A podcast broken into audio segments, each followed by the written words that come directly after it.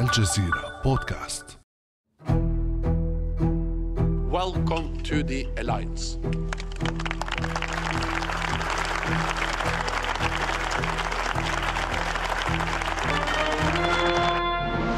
هكذا رحب أمين عام حلف الشمال الأطلسي بانضمام فنلندا إلى الناتو العضو الحادي والثلاثين في البيت الأطلسي انضمام فنلندا وربما السويد لاحقا تراه موسكو تهديدا مباشرا لأمنها يقول الرئيس الروسي فلاديمير بوتين.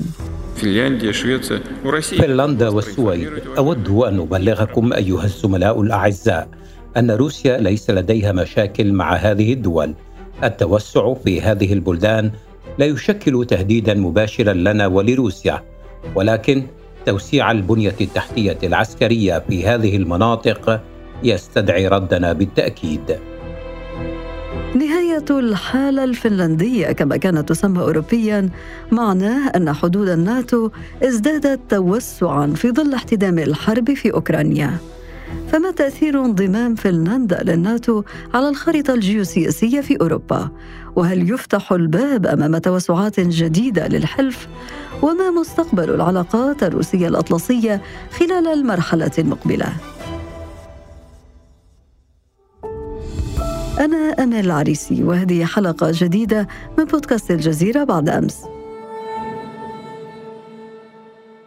وأسعد في هذه الحلقة باستضافة صديق البرنامج الدكتور حسام حمزة الأستاذ بالمدرسة الوطنية العليا للعلوم السياسية بالجزائر أهلا وسهلا بك دكتور حمزة أهلا وسهلا أستاذة أمال تحية ليك ولكل مستمعي بودكاست بعد أمس. يا مرحبا. دكتور حمزة لو توجز لنا في البداية ظروف نشأة حلف شمال الأطلسي. نعم اولا يجب أن نبدأ من التسمية، تسمية منظمة حلف شمال الأطلسي أو في بعض الأحيان أيضا نقول آه، الحلف الأطلسي. فقط نقول حلف شمال الأطلسي ونقول في بعض الأحيان حلف الحلف الأورو أطلسي.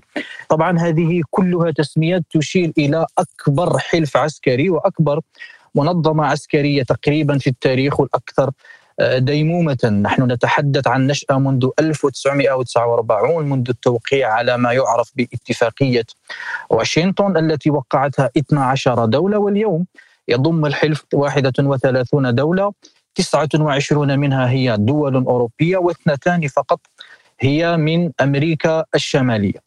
طبعا عندما نتحدث عن الحلف شمال الأطلسي وعن نشأته فنحن نتحدث عن نوع من بناء لهوية استراتيجية دفاعية للغرب تجاه ما يعرف بما كان يعرف بالاتحاد السوفيتي. وعندما نتحدث عن هذه الثنائية فنحن نقصد اولا مواجهة أيديولوجية لأنه الغرب يعرف نفسه إزاء الشرق الشيوعي و الرأسمالية إزاء أيضا الاشتراكية. فتأسيس حلف شمال الأطلسي أو منظمة حلف شمال الأطلسي هي في الأساس منظمة عسكرية سياسية ولكن هذا لا ينفي بأنه لديها بعد ثقافي بعد أيديولوجي واليوم حتى أصبح لديها بعد حضاري. هذه النقطة الأولى. النقطة الأخرى أيضا التي يجب أن نؤكد ونركز عليها عندما نتحدث عن نشأة حلف شمال الأطلسي هي الهوية الجيوسياسية للحلف لأنه الفكرة المشهورة التي آه، تحدث عنها أول أمين عام لحلف شمال الأطلسي التي تقول بأنه الغرض من تأسيس حلف شمال الأطلسي هو جعل الولايات المتحدة الأمريكية داخل أوروبا الحفاظ دائما على روسيا خارج أوروبا والحفاظ على ألمانيا أو إبقاء ألمانيا في مراتب دنيا. هذا التفكير في الحقيقة يعكس الهوية الجيوسياسية لحلف شمال الأطلسي الذي يريد أن يبقي دائما نوع من التفوق الجيو استراتيجي والجيوسياسي للولايات المتحدة الأمريكية إزاء ألمانيا من جهة وإزاء روسيا من جهة أخرى. وأعتقد بأن هذه الأفكار في العقيدة الاستراتيجية والعقيدة الأمنية لحلف شمال الأطلسي ما زالت متواصلة إلى غاية الآن. وسنناقش خلال هذه الحلقة هذه العقيدة عقيدة حلف شمال الأطلسي والتغيرات التي طرأت عليها، لكن قبل ذلك دعنا أيضا نتحدث عن أبرز المحطات الفارقة في تاريخ الناتو، مراحل القوة والضعف التي مر بها.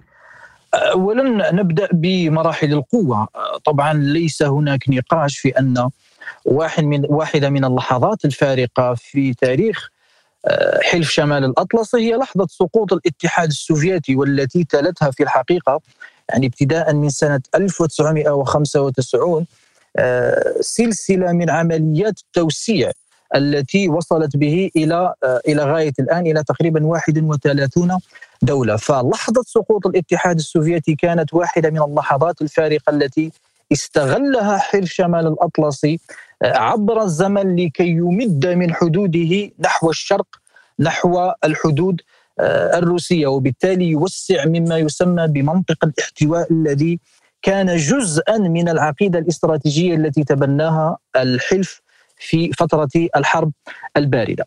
لدينا أيضا واحدة من اللحظات المهمة آه، جدا والفارقة في تاريخ حلف شمال الأطلسي هي لحظة عودة فرنسا إلى قيادة العمليات العسكرية سنة 2009 نحن نعلم بأنه فرنسا غادرت قيادة الأركان سنة 1966 دون أن تخرج من حلف شمال الأطلسي وعودتها كانت واحدة من الأشياء التي أو واحدة من المحطات التي في الحقيقة جعلت الكثير آه، من المتابعين لحلف شمال الأطلسي يتحدثون عن عودة الوحدة وحدة التصورات الاستراتيجية بين أوروبا وحلف شمال الأطلسي وعلى رأسه طبعا الولايات المتحدة الأمريكية.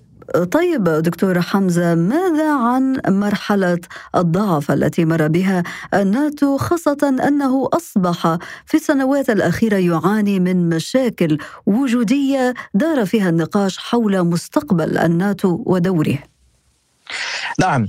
لحظتان أساسيتان هنا. أولا نتحدث في الإجابة السابقة ذكرنا بأن لحظة سقوط الاتحاد السوفيتي كانت لحظة فارقة مع بالنسبة لحلف شمال الأطلسي ولكن قبل ذلك قبل أن تكون ذلك في في في في بداية التسعينيات كان هناك سؤال مهم جدا سؤال وجود وجودي طرح على مستوى حلف شمال الأطلسي وعلى مستوى دوله وهو ما الغاية من الإبقاء على حلف شمال الأطلسي ما دام أن السبب الرئيسي لوجوده وهو التهديد السوفيتي قد زال؟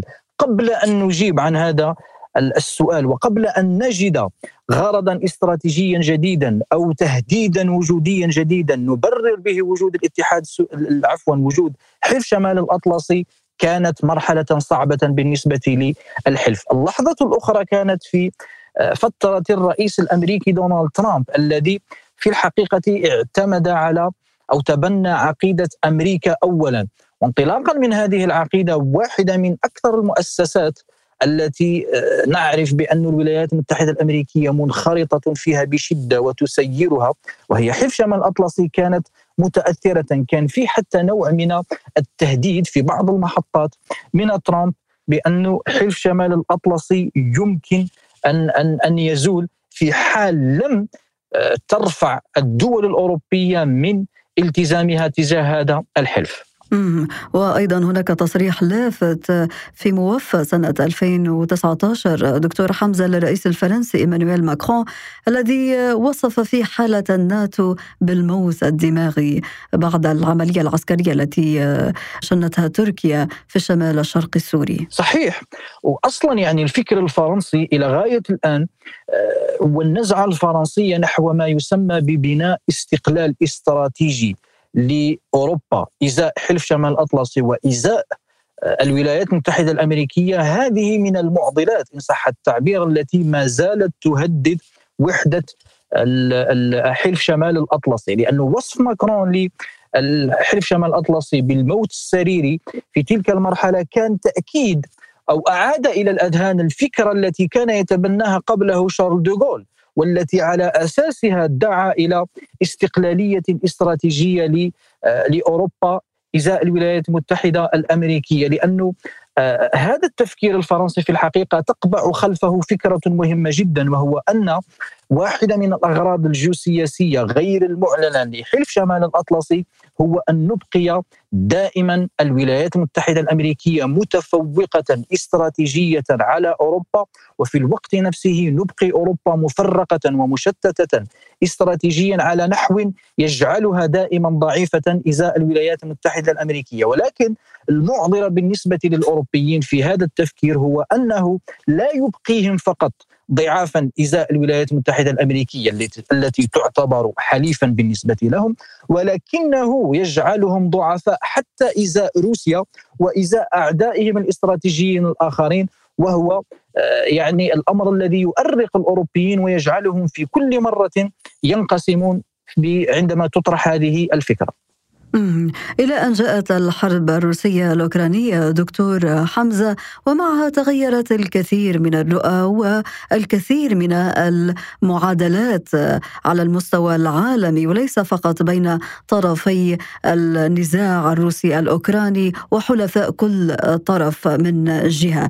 وأبرز حدث هو أنه في مطلع أبريل 2023 انضمت رسميا فنلندا إلى الناتو ما يعني نهاية الحالة الفنلندية كما ظلت تسمى لعقود طويلة فماذا يعني جيوسياسيا التحاق فنلندا بالبيت الأطلسي؟ أولا يجب أن نتحدث قبل أن نجيب عن هذا السؤال يجب أن نشير ولو باختصار فقط إلى انه هناك خصوصية في العلاقة بين فنلندا وروسيا. اولا طول الحدود الروسية الفنلندية هو 1340 كيلومتر. هذا اولا. ثانيا فنلندا كانت جزءا من الإمبراطورية الروسية طيلة قرن وثمان سنوات ونالت استقلالها بعد ذلك ب يعني بعد الحرب العالمية الأولى وتحديدا بعد ما يسمى بثوره بيتروغراد أو ثوره أو الثوره البلشوفية سنة 1917 اذا هناك خصوصية جغرافية خصوصية تاريخية وحتى خصوصية ديموغرافية لأنه حتى عدد الروس الذين يعيشون في فنلندا كبير جدا. آه، طبعا ال ال ال الاتفاق الاستراتيجي الذي حصل بين فنلندا والاتحاد آه، السوفيتي لحظة استقلال فنلندا كان التالي هو أن تبقى فنلندا دولة محايدة بمعنى أن لا تنخرط في أي عملية آه، معادية لروسيا وأن لا تستخدم أراضيها لمهاجمة الاتحاد السوفيتي. طورت هذه الفكرة لاحقا إلى نوع من الاتفاق بين روسيا آه، أو بين الاتحاد السوفيتي عفوا وفنلندا إلى فكرة عدم انضمام فنلندا إلى حلف شمال الأطلسي بعد أن تأسس سنة 1949 فهذه الفكرة ما يسمى بالحالة الفنلندية أو ما يسمى الحل الفنلندي في المعجم الاستراتيجي الأوروبي تغير في الحقيقة بموجب أو بعد العملية العسكرية التي آه، قامت بها روسيا في أوكرانيا. في الحقيقة العملية التي قامت بها آه، روسيا في أوكرانيا جعلت فنلندا تفكر بمنطق جديد إزاء علاقتها مع روسيا. عندما نتحدث عن آه، هذا الانضمام فنحن نتحدث في الحقيقة عن توسيع رقعة حلف شمال الأطلسي لتكون هذه المرة على تماس مباشر مع الحدود الروسية. ونتحدث حتى عن إمكانية آه، تمديد ما يسمى برقعة الردع النووي لأنه اليوم بما أن فنلندا أصبحت جزءا من الأراضي التي هي مشمولة بالمادة الخامسة لحلف شمال الاطلسي فيمكن للحلف أن ينشر فيها ما يسمى بالدرع الصاروخي وكل أنواع الصواريخ الباليستية التي يستخدمها في آه، الردع النووي لروسيا. والمادة الخامسة من معاهدة واشنطن التي أشرت إليها دكتور حمزة هي التي تعتبر عامل الجذب الأساسي للانضمام إلى الناتو ويتمثل هذا البند في أنه أعضاء الحلف يتفقون على أن أي هجوم مسلح ضد واحدة من الدول أو أكثر منهم في أوروبا وأمريكا الشمالية يعتبر هجوما ضد كل دولة فماذا ستستفيد أوروبا من انضمام فنلندا للناتو؟ معناته؟ اولا الشيء المباشر هو أن رقعة حدود حلف شمال الأطلسي أصبحت كما قلنا على تماس مباشر مع روسيا. الشيء الأساسي الذي ستستفيد منه أوروبا هو انه من الناحية العددية اليوم أصبح عدد الذين يعادون روسيا أكبر مقارنة ب آه، بما كان عليه في السابق من الناحية الجيوسياسية ومن الناحية الاستراتيجية أصبحت هناك آه، يعني اقتراب أكبر ل آه، اقتراب أكبر من روسيا وفي الوقت نفسه قدرة على ممارسة الردع الاستراتيجي بطريقة أكثر فعالية لأن عندما نتحدث عن أكثر من 1300 كيلومتر طول الحدود البرية مع روسيا فهذا يعني على بانه هناك قدرة كبيرة جدا على التهديد على الردع اولا ثم حتى على التهديد في حال اتجهنا نحو مواجهة مباشرة بين حلف شمال الأطلسي و آه، وروسيا. فهذه في اعتقادي واحدة من الأشياء الأساسية وواحدة من المكاسب الاستراتيجية الكبيرة بالنسبة لأوروبا وفي الوقت نفسه لأنه عندما نتحدث عن آه، مكسب عددي عن صديق جديد لأوروبا فنحن نتحدث أيضا في المقابل آه، تحصيل حاصل أننا نتحدث عن عدو جديد لروسيا وكلما زادت دائرة العداء الأوروبي أو داخل أوروبا لروسيا كلما اتجهنا أكثر نحو ما يسمى بالتطويق الاستراتيجي أو ما يسمى ما سماه بجورج كينان سابقا بفكرة الاحتواء بمعنى أن نبقي دائما روسيا محصورة في مجالها الحيوي. وجيوسياسيا اليوم أصبح الجناح الغربي لروسيا أكثر هشاشة مع انضمام فنلندا إلى الناتو. دكتور حمزة فكيف تتوقع رد فعل روسيا بعد هذا التوسع خاصة وأن موسكو تعتبر أن كل عضو جديد في البيت الأطلسي يزيد من تغيير الحدود الجيوستراتيجية التي تفصل بينها وبين الولايات المتحدة اولا يجب أن نقول بأن رد فعل روسيا كان إلى غاية الآن لا اقتصر على الخطاب أو اقتصر على الكلام، ليس هناك أي آه، رد فعل حقيقي إزاء فنلندا. وأعتقد بأن هذا مبرر لأن السياق الذي جاءت فيه أو الذي جاء فيه انضمام فنلندا إلى حلف شمال الاطلسي آه، سياق معقد بالنسبة لروسيا، روسيا الآن مشغولة أكثر بأوكرانيا ومشغولة بالبحر الأسود وبالتالي لا يمكنها أن تشتت بوصلتها الاستراتيجية وتتجه نحو آه، التفكير أو رد الفعل ازاء آه، آه، فنلندا أو حتى الانضمام المرتقب للسويد لأنه هذا سيكون على حساب اهتمامها وتركيزها بأوكرانيا التي تعتبر ذات أهمية استراتيجية أكبر إذا ما قورنت بفنلندا لأنه فنلندا فعلا لديها حدود طويلة وطويلة جدا مع روسيا ولكن تبقى دائما هي أبعد عن العمق الاستراتيجي الروسي مقارنة بكييف مقارنة بكييف ومقارنة بأوكرانيا. اذا من الناحية إلى غاية الآن رد الفعل ما زال على المستوى الخطابي. ولكن الشيء الذي يتوقع أكثر هو مزيد من الحشد العسكري بين الحدود على الحدود بمعنى بين روسيا و آه، آه، فنلندا. والأرجح أنه إذا لجأ اليوم حلف شمال الأطلسي والولايات المتحدة الأمريكية تحديدا إلى مد ما يسمى بالدرع الصاروخي المنصوب على الحدود الشرقية لأوروبا في والموجه نحو روسيا. إذا اتجهنا نحو آه، إقامة هذا الدرع أو مده نحو الحدود الفنلندية الروسية ف الأكيد بأن روسيا سترد بالطريقة نفسها وبالتالي سنكون على مقربة من مواجهة نووية محتملة أو على الأقل مد حدود ما يسمى بالردع النووي بين روسيا والغرب بين روسيا وحلف شمال الأطلسي. ولكن هذا إلى غاية الآن ربما سيبقى في مستويات دنيا ولن يرتفع أو لن نتجه نحو مستويات أكبر من التوتر بين آه، روسيا وحلف شمال الأطلسي بسبب الحالة الفنلندية إلا في حال سويت الحالة الأوكرانية. وانشغال روسيا بالحرب الأوكرانية وفر الوقود لوحدة جديدة للناتو وخدمت بالتالي العقيدة التوسعية لدى قيادة الحلف بعد الأزمات التي مر بها في السنوات الأخيرة. فبرأيك كيف تبدو هذه العقيدة اليوم في ظل هذه التطورات الجيوستراتيجية العميقة؟ واحد من التهديدات الاستراتيجية في العقيدة الأمنية لحلف شمال الأطلسي بالرغم من كل التعديلات التي طرأت عليها منذ اللحظة الفارقة التي طرح فيها السؤال الوجودي بالنسبة للغرب آه، ما هو السبب الذي سيجعلنا نبقي على حلف شمال الأطلسي؟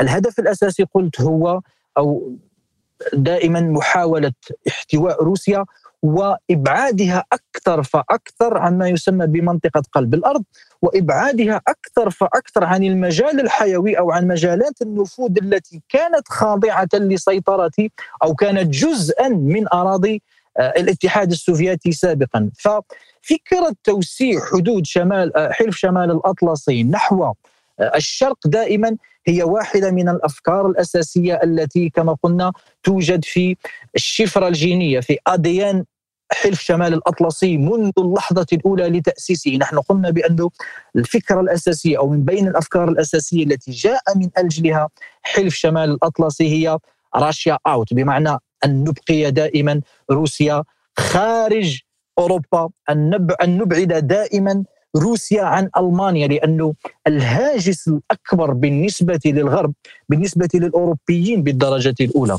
ثم بالنسبة للولايات المتحدة الأمريكية هو أن تتوحد يوما ما ألمانيا مع روسيا. طبعا عندما نتحدث عن وحدة فلا نتحدث عن وحدة سياسية ولكن نتحدث ربما عن وحدة استراتيجية أن يحصل نوع من الاتفاق الاستراتيجي بين هاتين الدولتين اللتين تعتبران العدوتين الأساسيتين بالنسبة لأوروبا. أوروبا ليس هناك لديها هاجس أخطر من هاجس ألمانيا. نحن ندرك بأنه كلما يعني ألمانيا تطورت أو تعافت آه، عسكريا كلما نظرت إلى حدودها بنظره غير القانع، الدولة غير القانعه، هذا ما حصل في الحرب العالمية الأولى، هذا ما حصل أيضا في الحرب العالمية الثانية، وهذا ما حصل حتى في القرن الخامس الميلادي لأنه حتى الذين أسقطوا آه، الإمبراطورية الرومانية وما أدراك ما الإمبراطورية الرومانية هم هي القبائل الجرمانية. فالألمان في العقيدة الأوروبية في العقيدة الأمنية الأوروبية والغربية بصفة عامة هم مصدر خطر. وبالتالي اليوم حلف شمال الاطلسي يعمل من خلال هذه الاستراتيجية استراتيجية التوسيع إلى جعل المسافة أو آه، توسيع المسافة بين الحدود الألمانية الحدود الاستراتيجية الألمانية والحدود الاستراتيجية الروسية إلى أقصى حد ممكن وبالتالي أن نبتعد عن أي احتمال لوحدة استراتيجية بين هذين العدوين بالنسبة الغرب. إذا العقيدة التوسعية لحلف شمال الأطلسي آه، المعروفة بالباب المفتوح في الناتو ما زالت مستمرة وربما زادت من وتيرتها الحرب الروسية الأوكرانية الجارية. فبالتالي دكتور حمزة هل بإمكان روسيا قطع الطريق أمام الدول التي ترغب في الانضمام للناتو في المرحلة المقبلة؟ ليس مطلقا. أعتقد بأن روسيا تمكنت من منع دولتين إلى غاية الآن من الانضمام لحلف شمال الأطلسي كانتا قد عبرتا صراحة أو حتى حاولتا الانخراط آه، بطريقة مباشرة في حلف شمال الأطلسي. لدينا حالة جورجيا سنة 2008 يعني التي آه، شن بوتين حربا ضدها بمجرد أن أرادت الانضمام إلى حلف شمال الأطلسي. فهنا اللا الروسية كانت قوية جدا وصارمة. الحالة الثانية التي كانت فيها اللا الروسية أيضا آه، مباشرة هي حالة أوكرانيا واللي يعني ما زلنا نشهد إلى غاية الآن تبعات محاولة انضمام أوكرانيا إلى حلف شمال الأطلسي. ولكن عندما نتحدث عن جورجيا وأوكرانيا فنحن كما قلت يجب دائما أن نراعي الخصوصية الحضارية أن نراعي الخصوصية الجيوسياسية لهاتين الدولتين وأن نراعي الأهمية الاستراتيجية لهما بالنسبة لروسيا وللمجال مجالها الحيوي ومجالها الأمني. هذا لا ينطبق بالدرجة نفسها على حالة فنلندا وحالة السويد. لأنه حتى وإن كان فيه نوع من التقاطع الحضاري والتقاطع الإثني بين فنلندا وروسيا فإنها في في اعتقادي في المدركات الاستراتيجية أو حتى في العقل الاستراتيجي الروسي ليست بالأهمية نفسها مقارنة بأوكرانيا. فنلندا أقرب إلى الغرب منها إلى الفضاء الحضاري الفضاء السلافي الأرثوذكسي الروسي فهذا في الحقيقة عندما نتحدث عن احتمالية الرد الروسي والرفض الروسي الذي يمكن أن يتحول إلى عمليات عسكرية أو حروب ضد الدول التي هي مرشحة للانضمام إلى حلف شمال الأطلسي فيجب دائما أن نراعي هاتين الخصوصيتين. أولا الخصوصية الجيوسياسية وثانيا الخصوصية الحضارية والقرب أو الابتعاد من منطقة أمن روسيا وفي ظل هذه الثنائية الحاسمة دكتور حمزة الثنائية المتعلقة بالخصوصية الجيوسياسية والخصوصية الحضارية كيف تستشرف مستقبل العلاقات الروسية الأطلسية؟ المستقبل هو مزيد من الحدة في العلاقات ومزيد من المواجهة طبعا أوروبا تهمل أو تعتقد بأن الأثر الإيجابي للعملية العسكرية الروسية في أوكرانيا أدى إلى وحدة حلف شمال الأطلسي وهذا صحيح ولكن في المقابل أوروبا والغرب ينسى تماما بأن هذا أيضا جعل روسيا قريبة أكثر من الصين وقريبة أكثر من آه، مجموعة من الدول في الشرق وهذا آه، في الحقيقة سيزيد من حدة المواجهة التي ستكون أوروبا مسرحا لها في المستقبل. الدكتور حسام حمزة الأستاذ بالمدرسة الوطنية العليا للعلوم السياسية بالجزائر شكرا جزيلا لك على هذه الحلقة المفيدة. شكرا لك أيضا أستاذة أمال وأتشرف دائما بالعمل معك في هذا البودكاست. وأنا دائما أسعد. كان هذا بعد أمس.